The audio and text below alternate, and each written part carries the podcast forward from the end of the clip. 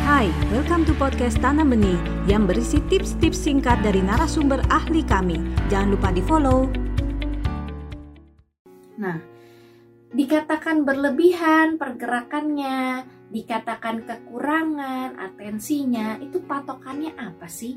Nah, patokannya itu adalah usianya si anak dibandingkan dengan anak-anak lain yang seumurannya dengan dia gitu. Jadi berlaku norma umum, berlaku aturan umum atau umumnya anak usia begitu sudah bisa berapa lama menaruh atensi, umumnya anak usia segitu bergeraknya seberapa lincah, anak ini kurang atensinya atau lebih atensinya jika dibanding dengan teman sebaya yang seusia dia.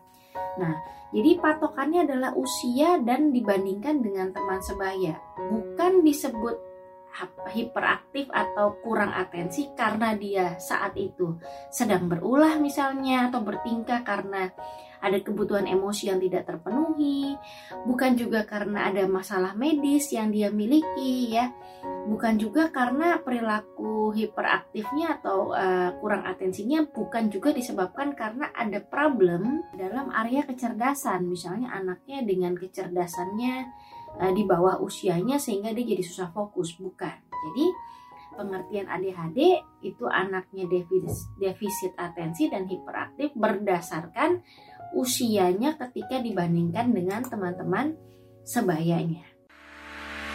Anda baru saja mendengarkan tips dari Tanam Benih Foundation. Mari bersama-sama kita terus belajar untuk menjadi orang tua yang lebih baik demi generasi yang lebih baik.